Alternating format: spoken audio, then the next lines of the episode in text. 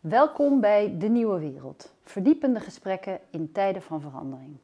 Mijn naam is Daniela Hooghiemstra en mijn gast is vandaag Sheng Scheijen, Ruslandkenner en slavist.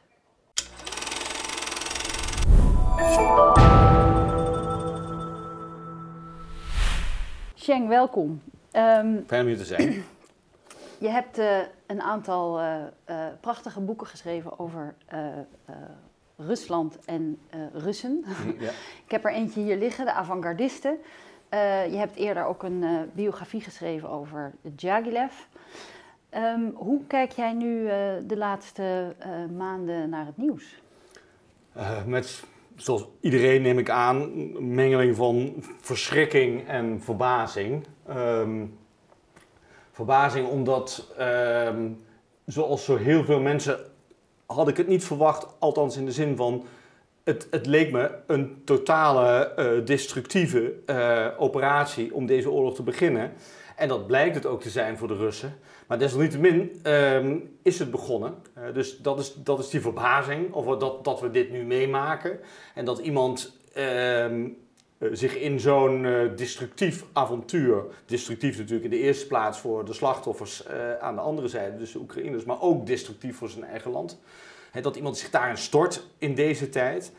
en verschrikking om, om wat er gebeurt, om mhm. wat er kapot wordt gemaakt en het leed er wordt aangericht. Dus, ja. ja, je kent Rusland heel goed. je hebt er gewoond. Je bent in 2007, was jij cultureel attaché hè, op de ambassade in Moskou.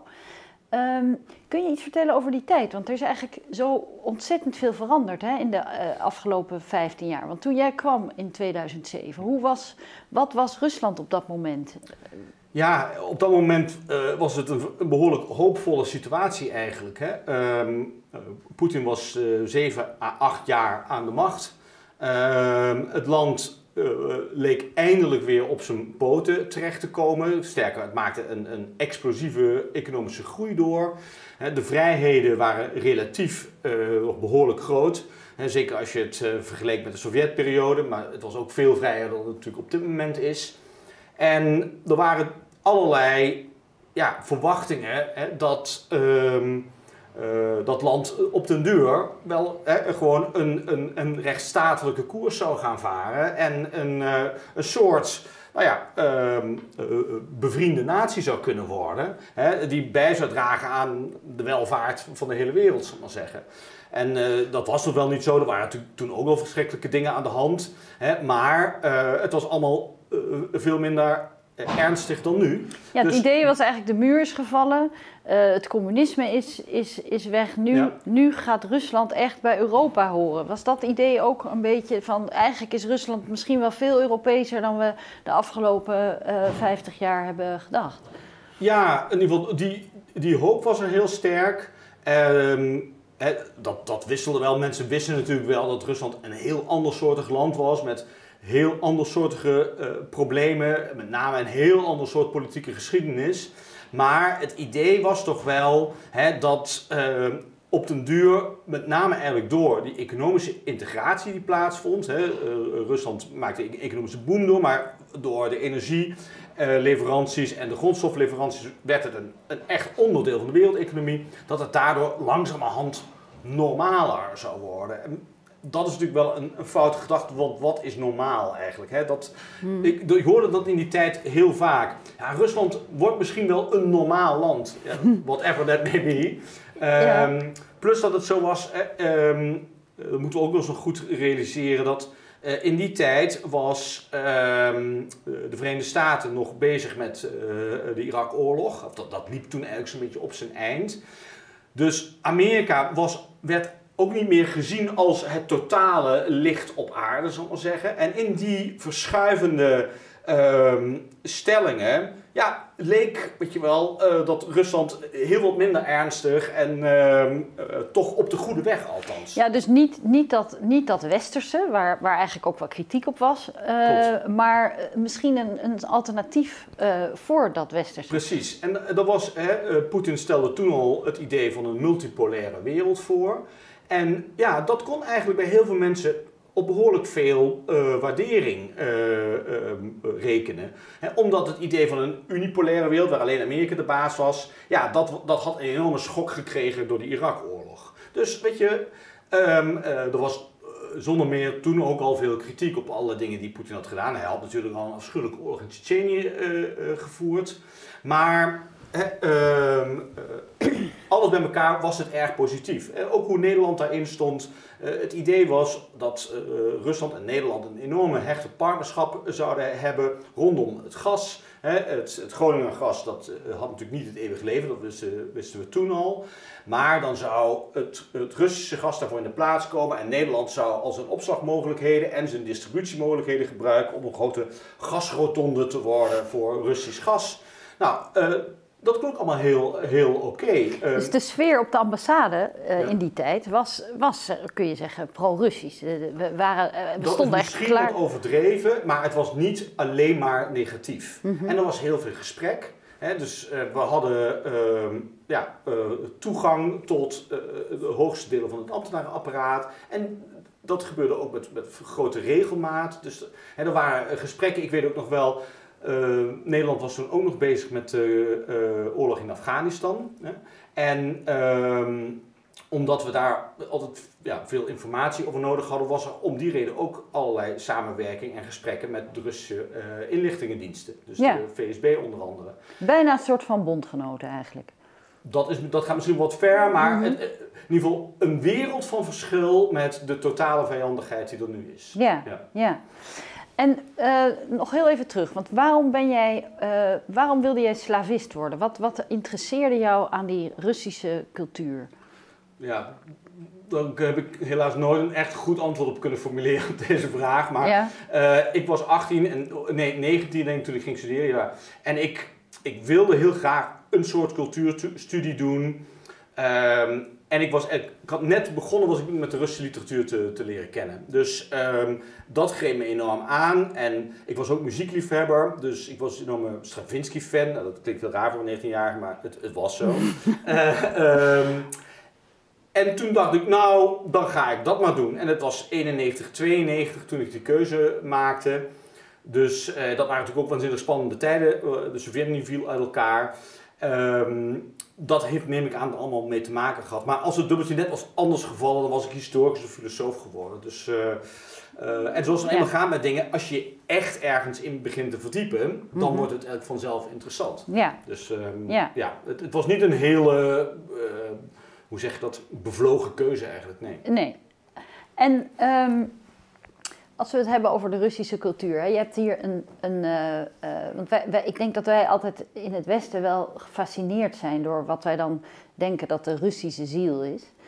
Ja. Um, bestaat dat eigenlijk, die Russische ziel? Ik, ik gebruik dat, uh, die, die term nooit, omdat het een soort um, ja, idealisering eigenlijk is van, van Russische cultuur. En je moet het eigenlijk gewoon zien als de pendant van weet je wel, de American Dream. Een typische ja, nationale mythologie is eigenlijk. Hè, waarbij uh, ja, de American Dream dan juist gaat over hè, de potentie en de mogelijkheden die in ieder individu zouden zitten.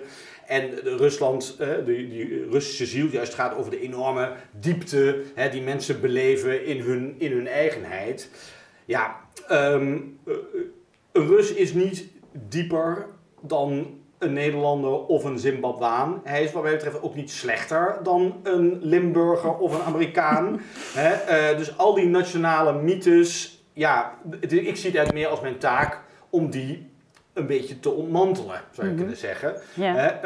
Um, waarbij ik overigens wel uh, die uh, Russische cultuur in algehele zin, tegenwoordig moeten we misschien praten over Sovjetcultuur, over Russisch-imperiale cultuur um, als ze iets heel hoogs aanslaan. En, maar daar zijn ook wel allerlei redenen weer voor. Mm -hmm. Dus eh, eh, zonder dat, dat dan te idealiseren alsof het een soort goddelijk vuur is dat in die mensen is geslopen, mm -hmm. uh, is het interessant om te, te, proberen te begrijpen waarom cultuur daar zo'n grote rol is gaan spelen en bijvoorbeeld in Nederland zoveel minder.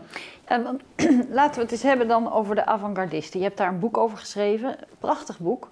Uh, wat mij heel veel inzicht heeft gegeven in, voor zover er een Russische ja. ziel bestaat.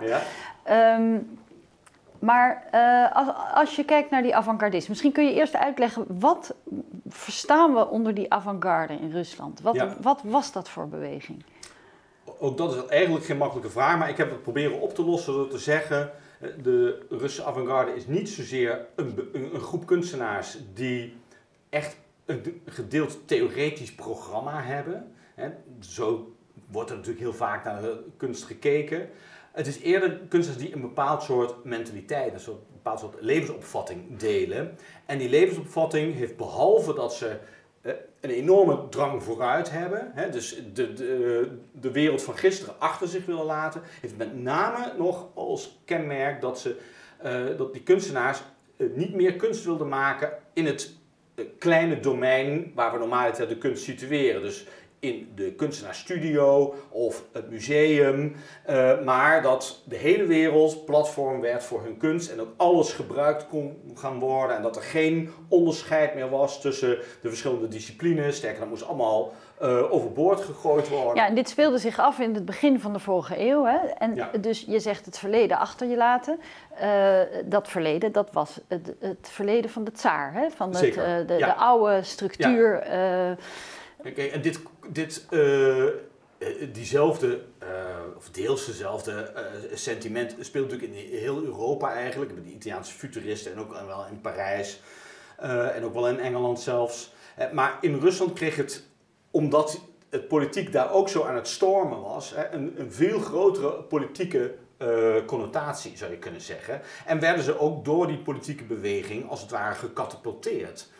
En, um, in die zin was het, kun je het misschien wel een, westers, een beetje een soort westerse beweging ook wel noemen. Want het was, ze hadden natuurlijk inderdaad uh, Franse collega's, Italiaanse collega's. Uh, op dat moment was Rusland eigenlijk uh, cultureel gezien in ieder geval heel erg Europees. Zeker. En het, het, de avant-garde is een. Ze, ze beschouwden zichzelf als internationalisten, als tegenstanders van het nationale denken. Daar wilden ze eigenlijk allemaal niks mee te maken hebben.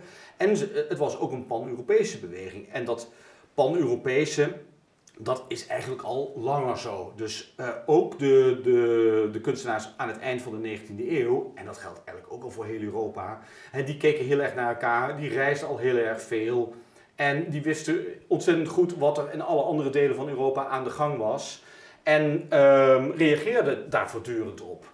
dus uh, in die zin is Rusland ja, uh, met sommige perioden waarin ze zich ineens echt afsluiten, maar eigenlijk toch altijd min of meer een deel geweest van een, uh, ja, een pan-Europese cultuur.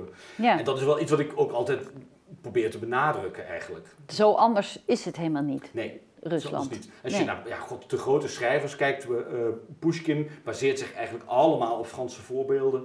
Um, de realistische schrijvers, hè, de Tolstoy en, uh, en Dostoevsky, keken heel erg naar Balzac. En, uh, en de Franse en Engelse realisten. Dus, um, nou, en zelfs ook politieke idealen, denk ik. Als je, je noemt Tolstoy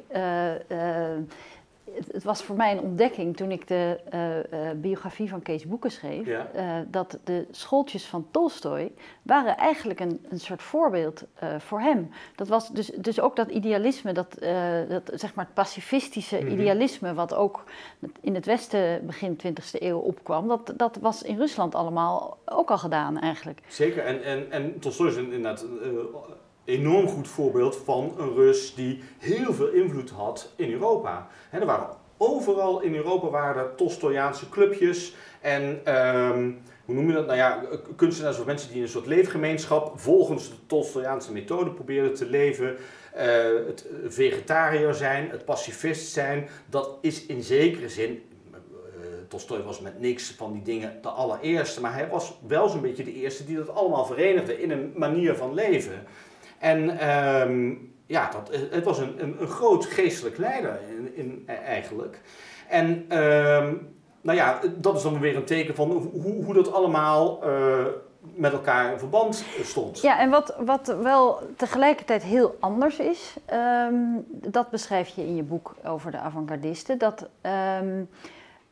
dat vond ik heel bijzonder, hoe, hoe belangrijk eigenlijk die, die kunstenaars en die intellectuelen waren in de politiek. Klopt, uh, want dat is een, uniek, een uniek verschijnsel inderdaad. Um, uh, uh, direct na de revolutie krijgen die kunstenaars, die laten we wel wezen, eigenlijk heel erg marginaal waren. Hè? Dus het zijn nu hele eh, beroemde namen zoals Kandinsky en Malevich en Chagall. Maar dat waren zelfs in de cultuurwereld toen eigenlijk marginale figuren. Er waren allerlei andere kunstenaars die veel beroemder waren en veel hogere status hadden. Ehm, maar ehm, omdat zij vanaf het begin af aan heel erg revolutionair georiënteerd waren, eigenlijk meer in culturele zin revolutionair, maar dat had ook wel politieke connecties. Maar het waren geen bolsjewieken, maar ze waren gewoon, nou ja, alles moest anders, zullen we maar zeggen. Ehm, ik, ik, ik waak er een beetje voor om ze politiek altijd serieus te nemen, maar eh, ze waren wel politiek actief. En direct na de revolutie, toen was er eigenlijk niemand anders hè, eh, in het establishment die ehm, bepaalde taken wilde gaan verrichten in die nieuwe regering. En alleen die revolutionaire, uh, ja, ik noemde vaak paljassen, halve gekken, halve garen, die waren daar wel toe bereid. En dat kwam ook omdat ze er niks anders hadden, want ze hadden geen, ze konden hun kunst niet verkopen. Hè, en ze hadden eigenlijk al hun platforma die ze hadden al afgeschaft. Dus ze moesten ook wat. En dus kregen ze die, die unieke positie. En dat is denk ik daarna ook nooit meer ergens uh, uh, heeft dat plaatsgevonden. Dat kunstenaars in de, in de top van het ministerie van Cultuur en Onderwijs allerlei hele machtige posities innamen. Um, nou ja, dat heeft ook maar heel kort geduurd uiteindelijk, maar het is een historisch uniek uh, fenomeen. Ja, ik ken eigenlijk geen enkel ander land waar dat ooit nee, gebeurt. Nee, uh, je denkt een beetje bijna aan, aan Plato, hè, die, die wilde dan filosofen aan de macht brengen. Of je had ja, Saint-Simon, dat was een communistische uh, denker uit Frankrijk, die had gezegd: de dichters moeten de baas worden als er ooit een revolutie komt. Nou, het is een heel utopische gedachte hè, dat je kunstenaars. Uh, een rol geeft een rol in de regering. Precies. En dan ook nog eens deze kunstenaars. Want um, als we het nou hebben over hun visie op de werkelijkheid, Ja. was dat op zijn minst curieus uh, te noemen. Buitengewoon is. Hè, eh, ja, um, het goede woord vind ik vaak is dwaas. Het was dus bijna ook een bewuste vorm van dwaasheid, net als een beetje als in de Dada, omdat dat dat heeft iets heel revolutionairs natuurlijk. Hè? Dan, dan misken je eigenlijk gewoon de hele structuur van de werkelijkheid. En dat was wel een beetje wat zij deden. Een soort anti-empirie eigenlijk, hè? Klopt. Ja. Je ziet allerlei dingen, maar denk vooral niet dat dat echt is. En maar draai alles om en draai het Ja. dan nog een keer om en dan uh, is Want er... het, was, het was ook niet romantisch in de zin dat het puur alleen maar een verwerping was van de ratio. Maar het was eigenlijk gewoon een verwerping van alles, weet je wel. En, en daar dan toch weer iets zogenaamd werkelijks voor in de plaats stellen. Hè? Want dat is, het, is niet zo van, we zijn ze doen ook weer niet alsof ze gek zijn. Ze, Nee. ze maken dingen eigenlijk vrij concreet. Uh, en feitelijk. Alleen is alles totaal omgedraaid. Hè? Je, je, noemt ook dat Ja. voorbeeld van op een gegeven moment die wereldregering. Of Ja, nee? ja. Kun je dat vertellen? Dat vond ik heel Eh, grappig. Uh, ja, dat, dat was bedacht door een, een dichter, Klepnikov. En dat was inderdaad ook een soort, ja, bijna een profetische figuur die graag met blote voeten door de stad liep en nooit op een zacht bed wilde slapen. Dan sliep hij op de grond ernaast, want zo'n zacht bed, uh, daar, daar, daar werd je maar week van. Of dat, uh, dat leidde maar tot, tot uh, slechte gedachten. En die hadden na een goed moment bedenkt, oké, we, we hebben een, een, een wereldregering nodig. En hij ging daar allemaal voorzitters voor aanstellen, alvast. En dat waren gewoon mensen uit zijn eigen omgeving. Mensen die ook, weet je wel, ja, maar één jas hadden met alleen maar gaten en een anderhalve schoen. En, uh, en jij bent nu hè, voorzitter van de Globe geworden. En dat werd met een enorme um, serieusheid werd dat geaccepteerd. En, um, en zo waren er dus verschillende voorzitters. Ook dat er dus heel veel voorzitters tegelijkertijd zijn. Dat is dan ook weer zo'n typische ja, paradox die ze dan creëren, of een soort tegenspraak. En, um, uh, ja, en in die hele curieuze, verzonnen werkelijkheid, daar leefden ze eigenlijk in. Hè? En, um, en dat sloeg aan dus. Want Dat- het, ja. kennelijk heeft Lenin dus gedacht, die mensen moet ik hebben. Die, Ja. die moeten in mijn regering moeten die een rol krijgen. Nou, ik denk dat ehm uh, als Lenin dat precies had geweten wat hij in huis haalde, had hij het niet gedaan. Oh, Ehm, maar hij wist het niet. En het was natuurlijk een periode van hele grote chaos. Maar Lenin had in ieder geval uh, gezegd: uh, de hele openbare ruimte in de grote steden moet veranderd worden. Tsaristische beelden moeten uh, vernietigd worden, of moeten in ieder geval weggehaald worden. En daarvoor in de plaats moeten allerlei proletarische helden komen. En dan moeten leuzen komen in de stad. En daar had hij alle ideeën over. Aan de hand van een Italiaanse utopist had hij dat bedacht, Campanella. Um, en er waren natuurlijk mensen nodig die dat moesten uitvoeren. Ja, en de gevestigde culturele orde, die wilde dat niet. Die ging niet bestaande beelden omverhalen en dan daar allemaal uh, curieuze nieuwe dingen voor in de plaats zetten. dus die, die maar ze hadden eigenlijk had hij vooral dat revolutionaire nodig. Hij had het revolutionaire nodig. En ja, eh, deze kunstenaars waren de enigen die daartoe bereid waren. En zoals het ging in die tijd, alles was chaotisch en alles moest heel erg snel want dat is het enige waar Bolsjewieken echt heel goed in waren, is dat ze niet aarzelden, maar als ze bedacht hadden dat iets moest, dan gebeurde het ook. En ook onmiddellijk met he, uh, niets ontziend, zou je kunnen zeggen. Mhm. En dat gold hiervoor ook. Binnen drie maanden moest daarvoor een plan liggen en moest daar eigenlijk de eerste resultaten te zien zijn. En toen had die minister van Cultuur, Lunacharski, die kende deze mensen wel, maar vond hen eigenlijk ook gekken en dwazen. Die had toch gedacht, oké, dan die gasten maar, want die gaan het tenminste doen. En mm. dan zie ik later wel hoe ik dat dan weer, weer uh, opvang. En dat bleek ook wel direct allerlei problemen te geven. Dus het eerste beeld dat werd opgezet, een soort enorm betonnen, futuristische uh, uh, ja, beeld van Bakunin. Nou, dat had nergens ter wereld had dat beeld opgesteld kunnen worden. Maar dat is toen in Moskou wel eventjes neergezet. Maar dat kreeg zoveel kritiek te verduren dat ze het direct weer hebben ontmanteld. En als je het voorbeeld van Malevich, hè, dat was een van de avant-gardisten, de, de, die op een gegeven moment met dat revolutionaire zwarte vlak hè, aankwam. Ja. Uh, misschien kun je dat nog even uitleggen, wat hij daar nou eigenlijk mee wilde. Wat, wat, wat wilde hij laten zien aan de wereld met, met zijn zwarte vlak? Ja, dat, dat, dat zwarte vierkant dat, dat is al gepresenteerd in 2000, uh, nee, 1915. Um, uh, onderdeel van een grotere installatie met allemaal abstracte kunstwerken. En wat hij, ja, er zijn behoorlijk wat dikke boeken over geschreven, uh, maar mijn visie erop, uh, gebaseerd op het alles, ja, al het andere zal maar zeggen, is dat het een, een, een soort eindpunt was aan de een, enerzijds. Hè, dus ehm, zoals een van zijn tijdgenoten zei, het is de plek waar de hele kunstgeschiedenis is samengekomen om er te sterven. dus het, het stelde als het ware vast dat de kunstgeschiedenis een soort eindpunt had bereikt. Maar tegelijkertijd moest het een poort zijn naar een heel ander soort werkelijkheid die hij wilde creëren in zijn schilderijen. En daarom hing hij dat op, op in de bovenhoek van de zaal, want dat is uh, traditioneel de plek waar de huisicoon hangt. Hè. En in de orthodoxie is het zo dat je eigenlijk altijd bidt via een icoon. Dus je kunt pas de, de goddelijke toestand bereiken of daar contact mee krijgen via die icoon. Dus dat hing dan altijd in die bovenhoek. Die plek gebruikte hij om dan te laten zien, oké, in dat, dat zwarte vlak kunnen we tot een ander soort bewustzijn komen. Namelijk een bewustzijn waarin de elementaire basis van de werkelijkheid uh, zichtbaar wordt. In vlakken, in ruimtelijkheid, in vier, vijf, hij dacht zelfs aan zes of zeven dimensies. Hij gebruikt allerlei modieuze terminologie die hij hier en daar had opgepikt. En daar fabriceerde hij een heel nieuw soort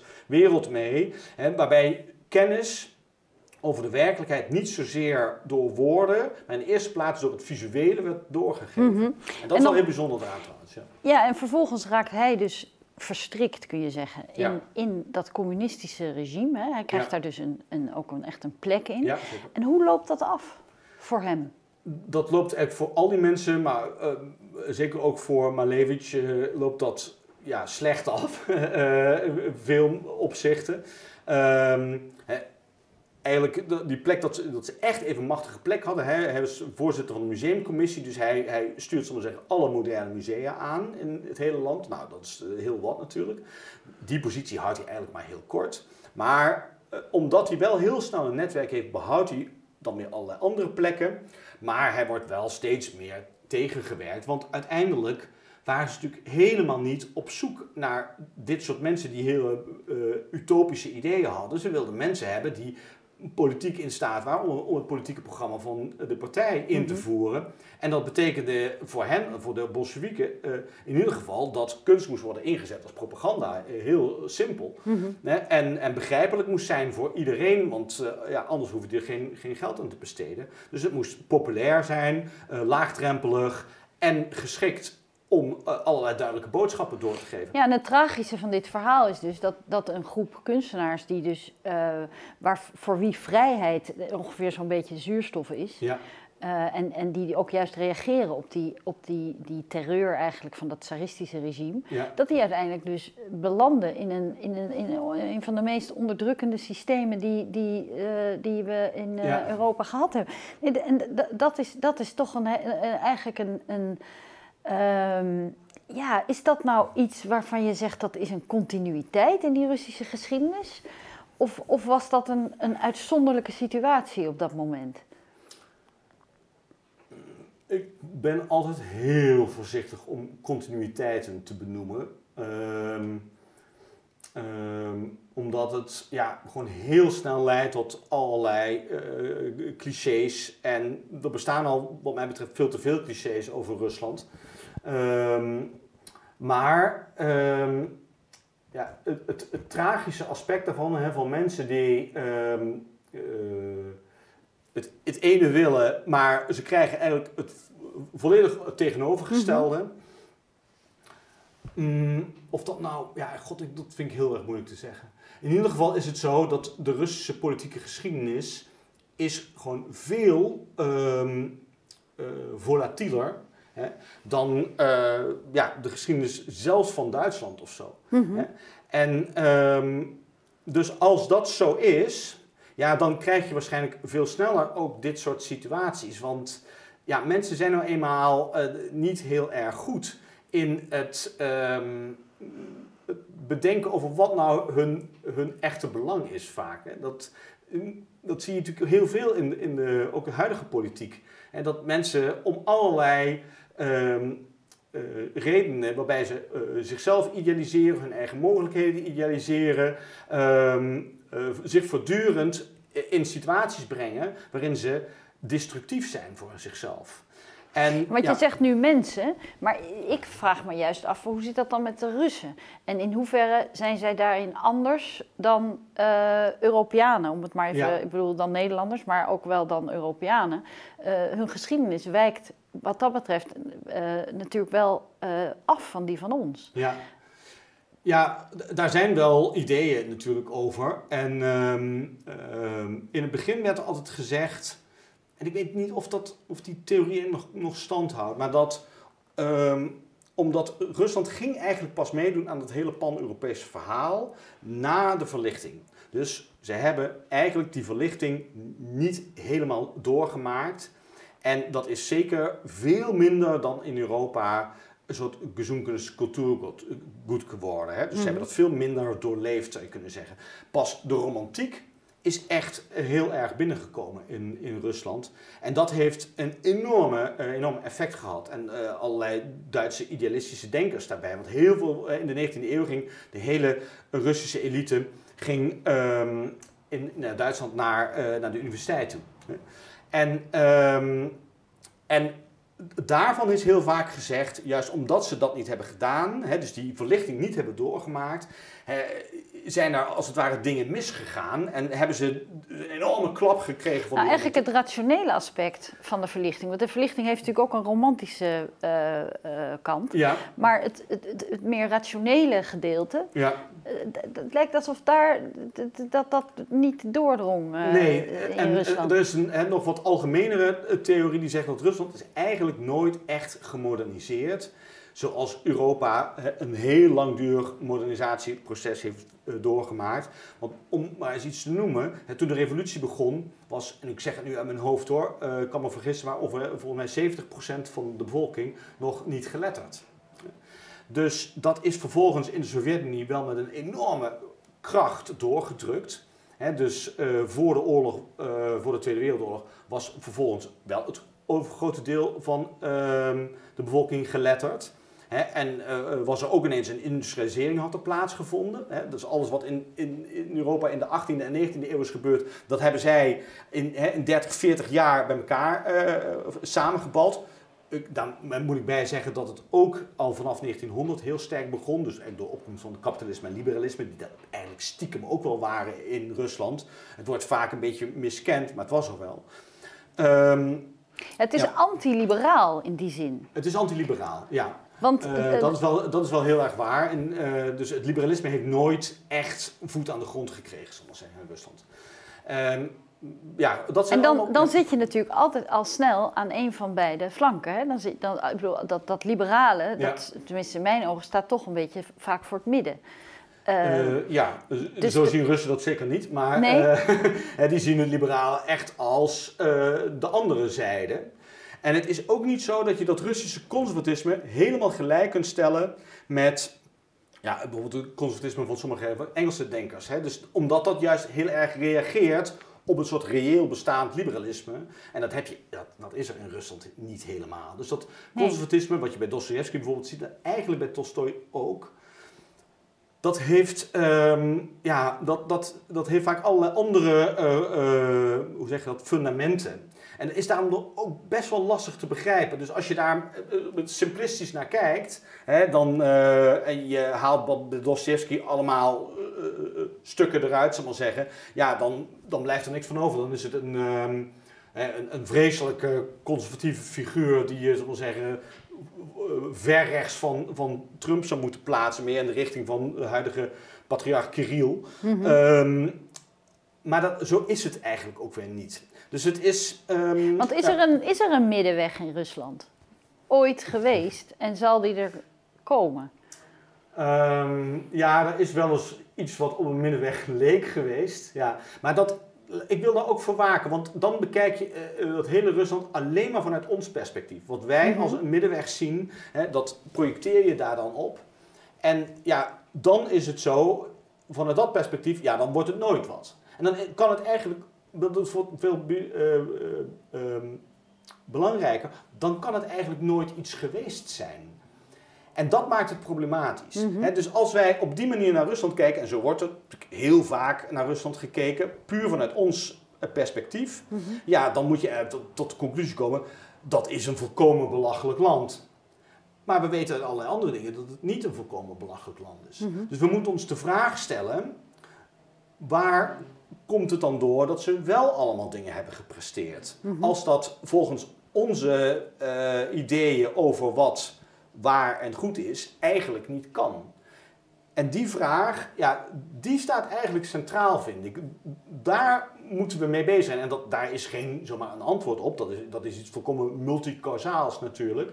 Maar Russen hebben enorm veel cultuur opgeleverd, maar ze, hebben ook, ze zijn in staat geweest om in een heel korte tijd te moderniseren en bijvoorbeeld ja, een man de ruimte in te brengen. Hè. Dus ook wetenschap uh, hebben ze enorme prestaties geleverd. En uh, als we alleen maar naar Rusland kijken vanuit dat ene perspectief, hè, waarin een, het, het, liberale het goede is, zal ik maar zeggen, mm -hmm. en, um, en al het andere fout, ja, dan begrijpen we nooit wat er echt aan de hand is. Ja, laten we nog even teruggaan naar. Jij kwam dus in 2007 in Rusland. Uh, toen was het eigenlijk was het, waren alle omstandigheden ideaal uh, ja. voor de, leek het voor, de, voor een toekomst. Um, de jaren daarna, wanneer heb jij dit zien veranderen? Wat, wat, wat, wat, waren voor jou de momenten dat je dacht: oh, dit, dit, dit gaat toch niet goed? Ja, um, een heel belangrijke was toen Poetin aftrad na uh, zijn eerste twee termijnen kwam Medvedev aan de macht als een soort tussenpauze. Het was ook wel duidelijk dat hij hè, daar natuurlijk was neergezet door Poetin en dat Poetin uh, als minister-president gewoon aan de macht bleef.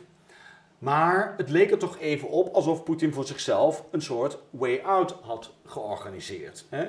Uh, dat hij misschien dacht van oké, het staatsbestel is nog niet sterk genoeg om um, om een volledig open politieke strijd aan te gaan, of dat te laten gebeuren. Uh, maar oké, als we dat dan zo'n beetje langzamerhand uh, geleid doen, hè, dan, dan kan ik op de deur uh, ertussen uitknijpen en kan er een, een, een vrijere, meer open politiek bestel komen. Maar toen hij natuurlijk na vier jaar met Zedev gewoon weer terugkwam. En daarmee eigenlijk niet zozeer de letter van de grondwet, maar wel de geest van de grondwet schond. Ja, toen was het natuurlijk eigenlijk al wel duidelijk dat uh, in ieder geval Poetin zelf er niet meer in geloofde dat een, een, een, vrij politiek bestel mogelijk was. Maar heeft hij daarin ooit in geloofd dan? Ja, dat is dan achteraf de vraag. Hè? Um, als dat niet zo was, waarom heeft hij dan überhaupt na die twee keer uh, Medvedev uh, aan de macht laten komen? Hmm. Ehm, ik denk zelf dat Poetin het zelf ook niet zo goed wist. Want als hij het heel goed wist wat zijn, zijn koers was, als hij vanaf het begin af aan alleen maar op een herstel van de Sovjet-Unie had ingezet, dan, ehm, dan had hij ja, heel andere dingen moeten doen. Dan had hij niet dat soort ja, semi-vrije land ehm, ehm, moeten maken. Had hij niet al die. Ja, er, was toch heel wat vrijheid moeten toelaten. En mhm. dan had hij veel eerder uh, op, de, op de rem kunnen gaan staan. Uh, wat had hem daartoe, uh, wat had hem tegengehouden om dat te doen? Eigenlijk helemaal niks. Zoals nu hem in principe niks. Maar dus het is meer een soort improvisatie geweest dan dat het een, een uh, bedachte. Ja? Dat, dat, dat denk ik, dat is natuurlijk. Uh, niemand weet dat precies, hè, want we kunnen niet in zijn hoofd kijken en mhm. we hebben ook geen toegang tot de documenten voor zover die er zijn. Mm -hmm. maar bijvoorbeeld, uh, ik geloof zelf ook in in zo'n soort theorie meer als we naar de Sovjet-Unie kijken, waar, ja, waar je wel met meer afstand naar kunt kijken. Van hoe heeft het nou kunnen gebeuren dat die Sovjet-Unie vanuit een revolutie, uh, die in principe erop was gericht om meer vrijheid te organiseren, en dat in het begin voor allerlei groepen ook echt wel deed. hè? Uh, de, om ons iets te noemen, de discriminatie van de Joden in de, in de Sovjet-Unie, die is tot, uh, helemaal tot stand gebracht. Hè? Die is tot, uh, opgehouden. Uh, alle discriminatoire wetten zijn in één keer opgeheven. De positie mhm. van de vrouw was uniek in de Sovjet-Unie in het begin. Mm vrouwen hadden volkomen gelijke rechten en het huwelijk is afgeschaft. Noem maar op, ehm, unieke situatie. Mhm. Hoe is het dan mogelijk hè, dat zij toch terecht zijn gekomen in een dictatuur die veel erger was dan die tsaristische dictatuur. Ja. Nou, en daar is, daar is een belangrijke eh, theorie eigenlijk over die zegt, ja, ze zijn daar als het ware zelf door onmacht hè, ingekukeld, omdat ze al die Bolsjewieken waren terroristen. Hè, dus, dus eh, zo zijn ze aan hun politieke macht gekomen. En ze waren ook heel lang allemaal in, hebben ze in Europa gezeten. En toen ze eenmaal in de macht, aan de macht waren, ze hadden geen kennis van hoe je iets bestuurt. Ze hadden geen netwerk. Ze kenden het land eigenlijk helemaal niet. Mhm. De enige taal die ze begrepen was de taal van het geweld. Ja, maar is dat dan misschien ook niet, uh, voor Poetin zal dat dan misschien ook gelden, dat het niet zozeer zijn ideeën zijn geweest, maar vooral de macht. Uh, dus dat, dat, dat er, hij is natuurlijk aan de macht gekomen op een moment dat er een sterke anti-Sovjet-golf uh, uh, ook door Rusland ging. Ja. Op die manier heeft, op die golf heeft hij de macht gekregen. Maar toen hij die macht eenmaal had, is hij, is hij dat toch anders, is hij daar anders over gaan, gaan denken. Precies. Waarschijnlijk. en ja, dat heb je natuurlijk historisch heel vaak gezien. Dat iemand die aan de macht is, uh, denkt dat uh, het land zonder hem weet je wel, niet meer kan overleven. Dat ze zich helemaal gaan identificeren met de staat. Uh, en dat je dus dat niet meer alleen kunt laten. Um, um, ongetwijfeld, en mensen vinden dat vaak lastig om dat te combineren. Hij had ook gewoon hele opportunistische redenen. Hij had ook heel veel gestolen. En hij wilde dat geld natuurlijk niet kwijt. En ja, als je weer afstand doet van de macht, dan loop je natuurlijk de kans dat hij dat kwijtraakt. Maar ik denk vaak dat er een. Um, hè, uh, er wordt van Poetin een, een, diabolische figuur gemaakt. En dat is begrijpelijk, want dat is hij natuurlijk in zekere zin geworden. Mm maar dat is op, op um, eigenlijk weer een niet goede verklaring voor wat er gebeurt. Oh. Dus als je um, wilt begrijpen wat er nou die afgelopen 25 jaar is gebeurd, mhm. ja, dan zul je toch met een veel complexer verhaal aan moeten komen. Want anders zijn allerlei dingen worden volstrekt onbegrijpelijk. Dus uh, je moet toelaten dat, eh, al is die man uh, nu uit uitgegroeid tot een historische schurk, Mhm. dat hij dat niet altijd alleen maar geweest is. Het En- is wel iemand geweest die de macht wilde. Die de macht wilde Ja, krijgen zeker. en die de macht wil houden. Ja, En kennelijk vindt hij dat dit zijn manier is om eh, de macht te houden. Wat, wat mij interesseert daarbij, Ja. en dan moet ik weer terugdenken aan die avant-gardisten, is hoe de verbeelding daarbij een rol speelt. Mhm. Eh, want ook nu zie je eigenlijk weer dat intellectuelen Ja. een rol krijgen. Eh, zijn, zijn adviseur, ehm, Medinsky. Medinsky, ja. Die, die, die levert hem eigenlijk de, de, de brandstof hè, voor, dit, voor dit conflict. Ja, en, en er zijn wel meer hoor van dit soort denkers. Hè. Eh, Medinsky is eigenlijk meer een soort historicus, een, een, een fophistoricus. Eh, maar ook weer niet een hele domme man, weet je wel. Het is niet een soort Trumpiaan. Eh, ehm, Want ook daar nu, dat is toch wel bijzonder. Ik, ik kan niet mij in Nederland herinneren dat wij ooit een historicus of een intellectueel hebben gehad die eh, zeg maar de regering de motieven levert voor hun handelen. ja, Hè? En dat, dat is nu aan de hand in Rusland eigenlijk. Ja, eh, ik, denk, ik denk dat dat een grote rol speelt inderdaad. En ook in het denken van Poetin. Hè. Ehm, eh, kort voor de oorlog begon heeft hij een soort essay gepubliceerd. En ehm, ik ga er echt wel vanuit dat hij dat zelf geschreven heeft. En ehm, daarin beweert hij min of meer dat Oekraïne eigenlijk niet een zelfstandige natie is. Hè, maar dat het gewoon eh, onderdeel is van een, een pan-Russische ruimte. Eh, nou, en dat soort ideeën bestaan wel meer, dat is niet uniek. Maar de manier waarop hij dat formuleert, hoe slecht eh, en onrechtvaardig die theorie ook is, hè, dat, die, dat heeft wel enig niveau. Hè. Het is niet, ehm, ehm, ja, het heeft meer niveau om te zeggen dan een tekst van Rutte. Ehm, dus met intellectueel niveau. En nou, eh, het is bekend dat eh, Poetin eh, heel erg geïnteresseerd is in geschiedenis, maar ook in filosofie. En er is een, een, een beroemde, eh, zeer conservatieve filosoof, Ivan Ilyin, eh, gestorven in 1948. hè, die eigenlijk min of meer de basis vormt voor zijn hele manier naar, van kijken naar de Russische geschiedenis. En dat kent hij heel erg goed en eh, daar is hij heel erg betrokken bij. Hij heeft zich persoonlijk ingezet dat die filosoof herbegraven zou worden in Rusland. En dat zijn werk wordt uitgegeven en dat, daar, dat dat wordt bestudeerd. Dat soort dingen spelen voor dit soort mensen allemaal een grote rol. En ja, dat is natuurlijk inderdaad eh, voor een Nederlandse politicus eh, ondenkbaar. Want zou het kunnen zijn dat je dus door de verbeelding ook eh, wordt meegesleept als politicus? Tuurlijk, tuurlijk. Denk je- denk Daarom je is het dat- zo gevaarlijk. Ja. want denk je dat Poetin, die gelooft dit misschien echt, hè? die gelooft in die grootheid van zijn rijk, dat er dat idee dat er eigenlijk een, dat de werkelijkheid een vergissing is. Dat de werkelijkheid zoals die eh, zich aan hem presenteert, met een Ja. toch wel behoorlijk machtige positie voor Amerika en steeds Ja. meer landen die eigenlijk liever dat liberale leven willen dan Ja. dat, dat, dat, dat dat niet klopt. Ja, ik denk dat dat is eh, heel correct. Ehm eh, dat de, de werkelijkheid zoals hij zich aan hem voordoet, die klopt niet. Die moet, die moet gerepareerd worden. Ja. Hè?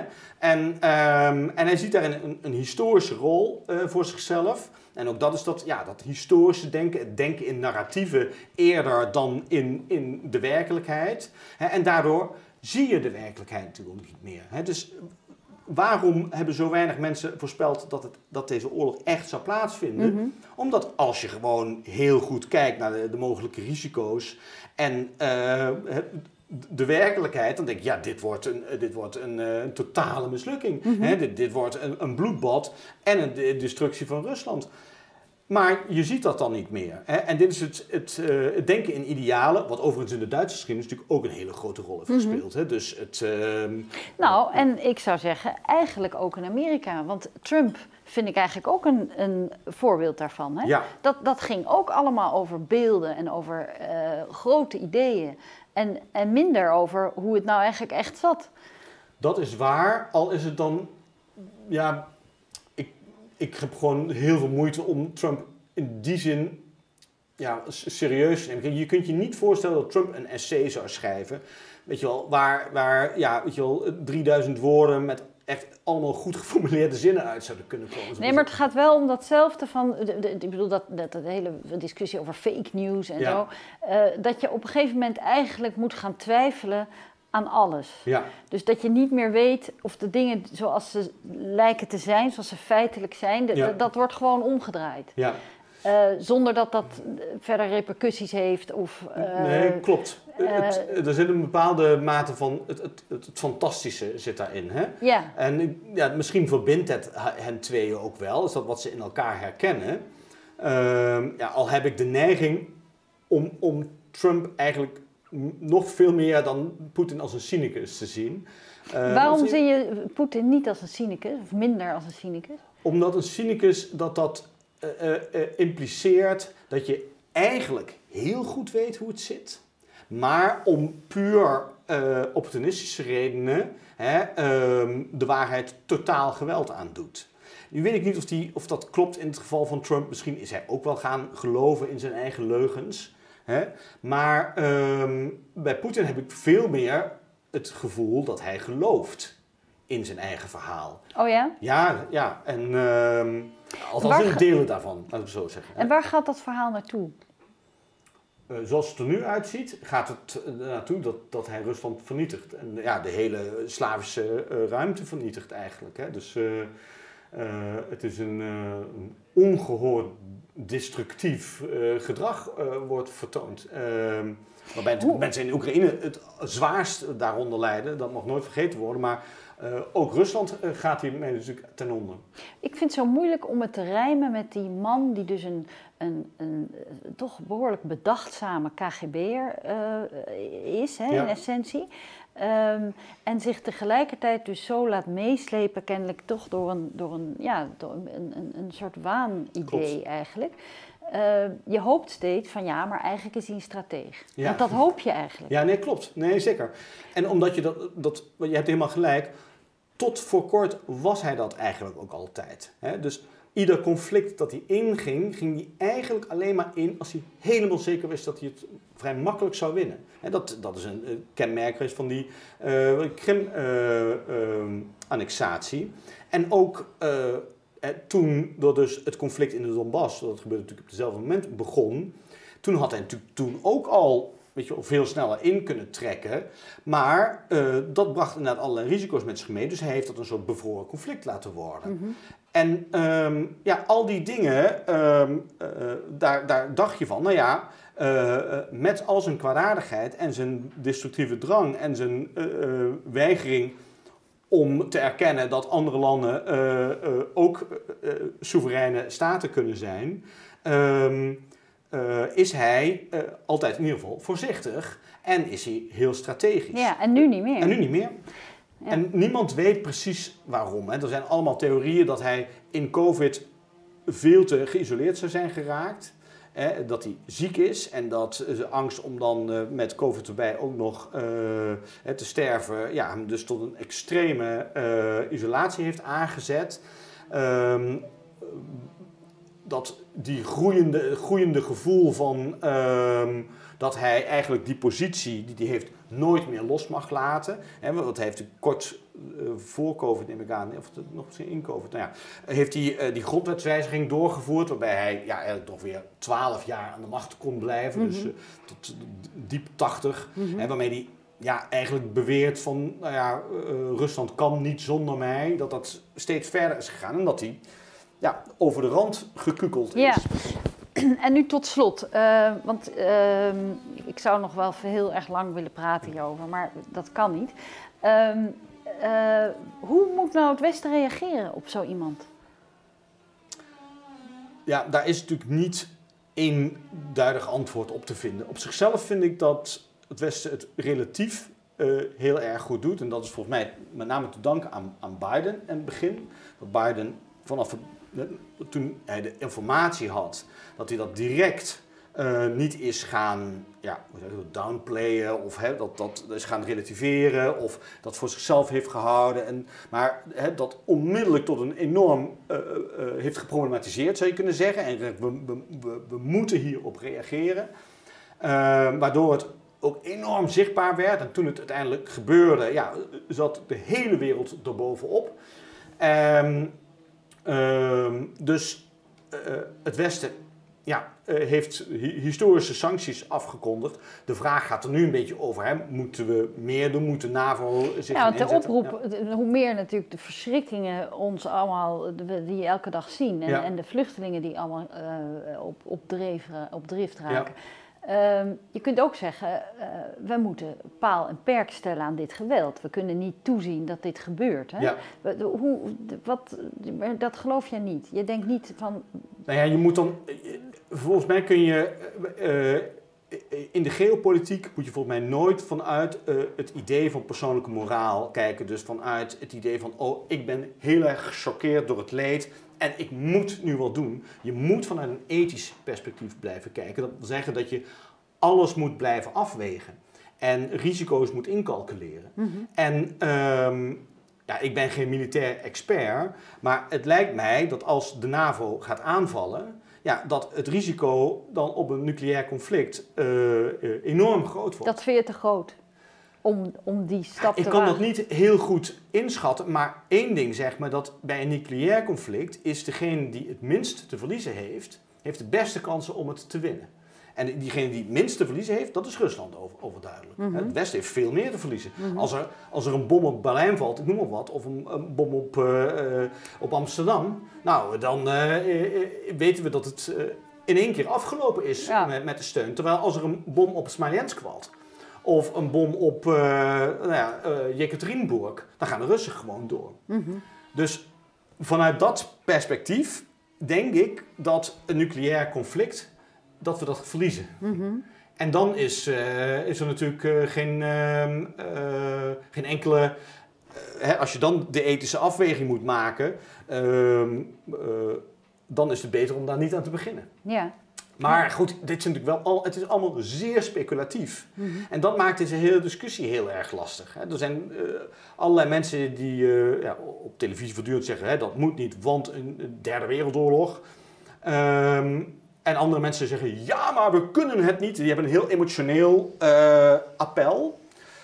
Um, ja, dus je zou hier, uh, maar daarvoor moet je echt militaire analisten nodig. Geen politicologen, geen historici. Mm. Uh, militaire analisten zouden echt moeten bekijken wat de risico's zijn. Maar wat ik begrijp, hè, is dat, dat we eigenlijk geen antwoord hebben op een atoombom. En uh, ja, als dat zo is, eh, dus misschien is de allergrootste fout die we hebben gemaakt, hè, dat, we, dat we ons niet hebben beschermd tegen uh, atoombommen, want daardoor kan Rusland ons nu chanteren. Mhm. Eh, maar die chantage, die is geslaagd. Maak je je zorgen over de Russen en hoe wij naar hun kijken? Moeten wij nu de Russen zien als onze vijand? Ehm, ik zou zeker niet de Russen als de vijand willen zien. Uh, wat ik ook al helemaal in het begin zei, Russen zijn niet slechter dan Nederlanders, Denen of Limburgers of Zimbabwanen. Ehm, maar ze zijn in een ander uh, politiek spectrum terechtgekomen. Uh, in een andere werkelijkheid, waar bovendien die, werkelijkheid wordt enorm gemanipuleerd. Ehm, hè, dus wat zij begrijpen van hoe de werkelijkheid eruit ziet. dus dat is, dat is een zinloze, zinloze weg. Bovendien, Rusland verdwijnt niet.